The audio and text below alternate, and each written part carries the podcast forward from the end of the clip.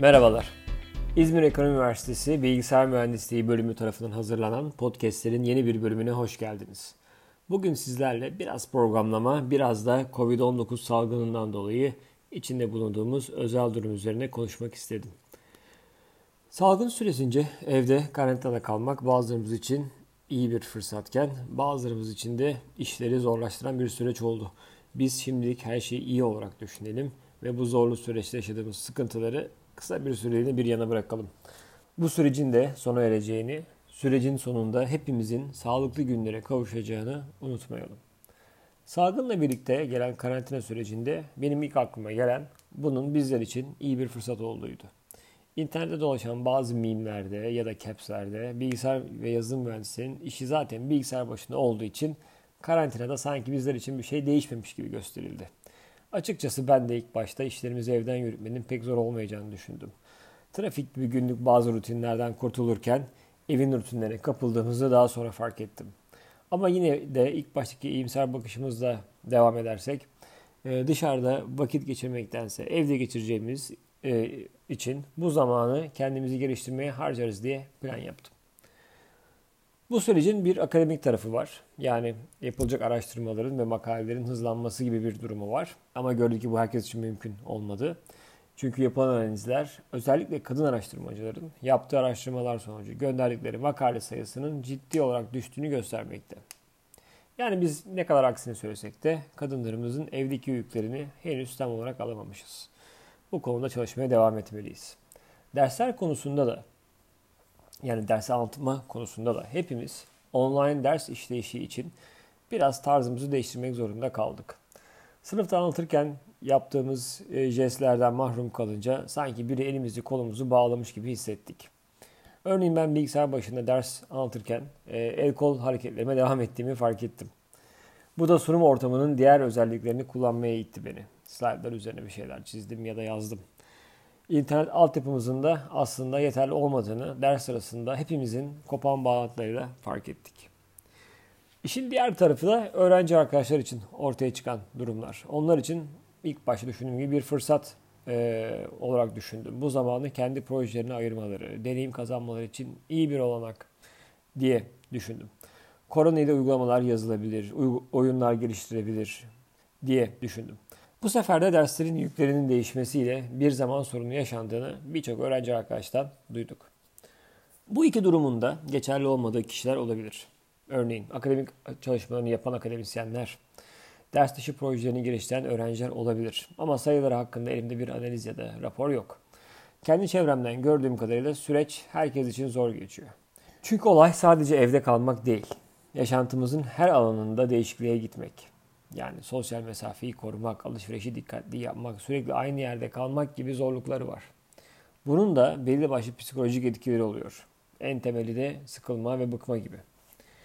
Öğrenci arkadaşlar için bu sürecin bir fırsat olduğu konusuna tekrar geri dönersem, gerek ders aralarında, sohbetlerde, gerek birebir görüşmelerde her zaman vurguladığım konuların bu fırsatta da geçerli olabileceğini söylemem gerekir. İlki kendi kendine öğrenme ya da sürekli öğrenme, İkincisi de bol bol pratik. İlk olanı yani kendi kendine öğrenme. Üniversite yıllarında kazanabileceğimiz en önemli becerilerden biri. Özellikle bilgisayar gibi sürekli gelişen ve yeni teknolojilerin birkaç yılda bir ortaya çıktığı bir alanda bu beceri daha da önem kazanmakta. Kendi kendine nasıl öğreneceğini de kişi kendi kendine buluyor. Herkesin kendine göre bir yöntemi var. Ben kitaplara yöneliyorum ama birçok öğrenci arkadaşın da e, videoları sevdiğini biliyorum. Nasıl yaptığımız aslında öğrendiğimiz sürece pek önemli değil. Ama kabul edersiniz ki güncel bir teknolojiyi öğrenirken o teknolojinin belgelerinin Türkçe'ye çevrilmesini ya da Türkçe bir videonun hazırlanmasını bekleyemeyiz. O yüzden İngilizce önem kazanıyor. Artık neredeyse belgelerin ve videoların İngilizce hazırlandığı gerçeğini göz ardı edemeyiz. Bu dünyaya dahil olabilmek için de İngilizceyi okuma, yazma ve dinleme olarak mümkün olduğu kadar ilerletmeliyiz. İkinci madde ise deneyim ya da bol bol pratik. Hep söylendiği gibi e, bilgisayar ve yazılım mühendisleri bu konuda şanslı. Çünkü öğrenmeye devam ederken küçük ya da büyük projelerde yer alıp deneyim kazanabiliriz. Aynı şeyi bir makine mühendisi ya da inşaat mühendisinin yapması daha zor olacaktır. Programlama ile ilgili derslerde edindiğimiz bilgileri kendi projelerimizde ya da daha güzeli etrafımızda bulunan kişilerin ihtiyaçlarının giderildiği projelerde kullanabiliriz. Kendi projelerimizde ne istediğimizi zaten bildiğimiz için yapmak istediğimiz yazılımı istediğimiz gibi yapabiliriz. Ama bir arkadaşımızın ya da akrabamızın istediği yazılımı gerçeklemek istediğimizde işin farklı bir boyutunu görme şansımız olacak. Gereksinimlerin e, bize göre değil, onlara göre olduğunu, yazılımı bizim değil, onların kullanacağını bilerek geliştirmek gerekecek. Bütün bu işleri yapmak için de ihtiyacımız olan tek şey zaman. Ne yazık ki hızlı bir çağda yaşıyoruz. Düşünüyoruz ki bir iki ayda her şey bitebilir, her şeyi öğrenebiliriz, her şeyi yapabiliriz. Ama deneyimleri hızlandırma gibi şansımız yok. Daha önce derslerde ya da görüşmelerde referans verdiğim gibi konuyla ilgili en uygun makale Peter Norvig'in Teach Yourself Programming in 10 Years başlıklı yazısı. Makalenin bağlantısını bu bölümün açıklama kısmına ekliyorum. Bu makalede biraz değinmek istiyorum. Norvig bu makalede Amazon.com'da satışa sunulan örneğin 21 günde Java öğrenin gibi kitaplara değinerek başlıyor. Bu kadar kısa sürede programlamayı değil sadece Java'nın birkaç özelliğini öğrenebileceğinizi, işi gerçekten öğrenmek için ise o işi 10 yıl ya da 10 bin saat deneyimlememiz gerektiğini örneklerle gösteriyor. Bu süre bize çok uzun gelebilir ama süreci kısaltma gibi bir şansımız yok.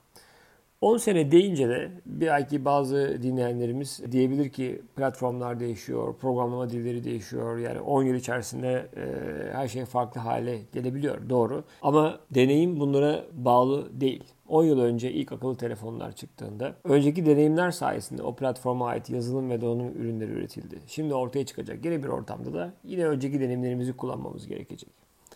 Peki Norvik e, programlama öğrenmek isteyenlere neler öneriyor? Bunu biraz değinelim çünkü burada bizim için çıkaracak önemli noktalar var. Birincisi ilgi. Konuyla yani programlamayla ilgilenmek. 10 bin saat yatıracağınız bir işe ilgi duymuyorsanız işiniz gerçekten çok zor. İkincisi program geliştirmek. En iyi öğrenme pratik yapmakla olur. Programlama tıpkı bisiklete binmek ya da yüzmek gibi deneyimle öğrenilecek bir şey. Yani derste dinledim, kitabı okudum, videoyu izledim, artık program yapabilirim gibi bir olay yok. Kendiniz deneyimlemelisiniz. Klavyenin başına geçip bir yere bakmadan kendiniz yazabilmelisiniz. Bu anlamda ne kadar çok program yazarsınız, ne kadar farklı durumla karşılaşırsanız, ne kadar çok problem çözerseniz o kadar deneyim kazanırsınız. Peter Norville 3. maddesi başka programları okuyun, program geliştiren arkadaşlarınızla tartışın. Kod okumanın faydası çok fazla. İlk faydası da kodu yazarken ortaya çıkıyor. Çünkü kod sadece derleyici için değil, sizin kendiniz ve başkaları için de yazılıyor. Bu durumda belirli gö- gelenek görenekleri uygulamakta ve iyi pratikler dediğimiz kuralları bilmekte fayda var. Kodu düzenli yazmalı, karmaşık kod yazmaktan kaçınmalı ve mümkünse yorumları sadece gerekli yerlerde yapmalı ve güncel tutmalıyız. Bu iyi pratikleri Brian Kernighan'ın Practicing Programming kitabında, Hunt ve Thomas'ın Pragmatic Programmer kitabında ve McConnell'ın Code Compete kitabında bulabilirsiniz. Bu kitaplar uzun yıllar sonucu ortaya çıkan deneyimleri aktardıkları için çok değerli kitaplar. Podcast açıklamasına kitapların Wikipedia bağlantılarını da ekledim. İsterseniz detayları oradan okuyabilirsiniz. Norvin makalesine dönersek, dördüncü madde olarak işin okulunu okuyun önerisinde bulunuyor. Gerek üniversite ya da başka bir şekilde eğitim almanın alanı daha iyi anlamanıza yardımcı olacağını söylüyor. Öğrenci arkadaşlarımız bu maddeyi şu an zaten gerçekleştiriyorlar. Sonraki madde, beşinci madde, projelerde yer almanızı söylüyor. Burada yer almanızı söylemesinin önemli kısmı tek başınıza değil, başkalarıyla bir projede bulunun kısmı. Çünkü mühendisler tek başlarına çalışmazlar. Bir takımın parçası olmalısınız. Bugün bir iş ilanı açtığınızda e, takım çalışmasına yatkın ifadesini sık sık göreceksiniz. O yüzden başkalarıyla çalışmaya alışmamız gerekiyor. Novik diyor ki, bu projelerin bazılarında en iyi olun, başkalarına öğretin. Kimisinde ise iyileri izleyip onlardan öğrenin. Bir sonraki önerisinde 6. önerisinde başkasının geliştirdiği projeye devam edin diyor. Bu kod okumaya biraz benziyor ama tabii biraz daha büyük bir yaklaşım. Mühendis olarak çalıştığınızda yeni bir projeye başlama ihtimaliniz gerçekten düşük. Büyük ihtimalle var olan bir projeye dahil olacaksınız. Ee, kaynak kodu sürüm kontrol sisteminden çekeceksiniz, inceleyeceksiniz ve katkı vermeye başlayacaksınız. Bunu nasıl yapacağınızı bir an önce öğrenmeniz iyi olur. Bu açıdan çevrim içi Git depoları çok işinizi görecektir.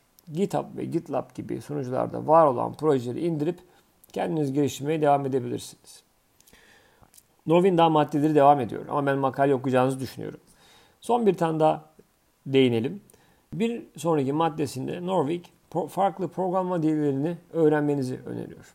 Burada dikkat etmemiz gereken dillerin farklı paradigmaları içermesi. Birçoğunuz zaten Java öğreniyorsunuz. Nesne yönelimli bir dil olarak C++ ve C Sharp'ı da bu açıdan kullanmanız zor olmayacaktır.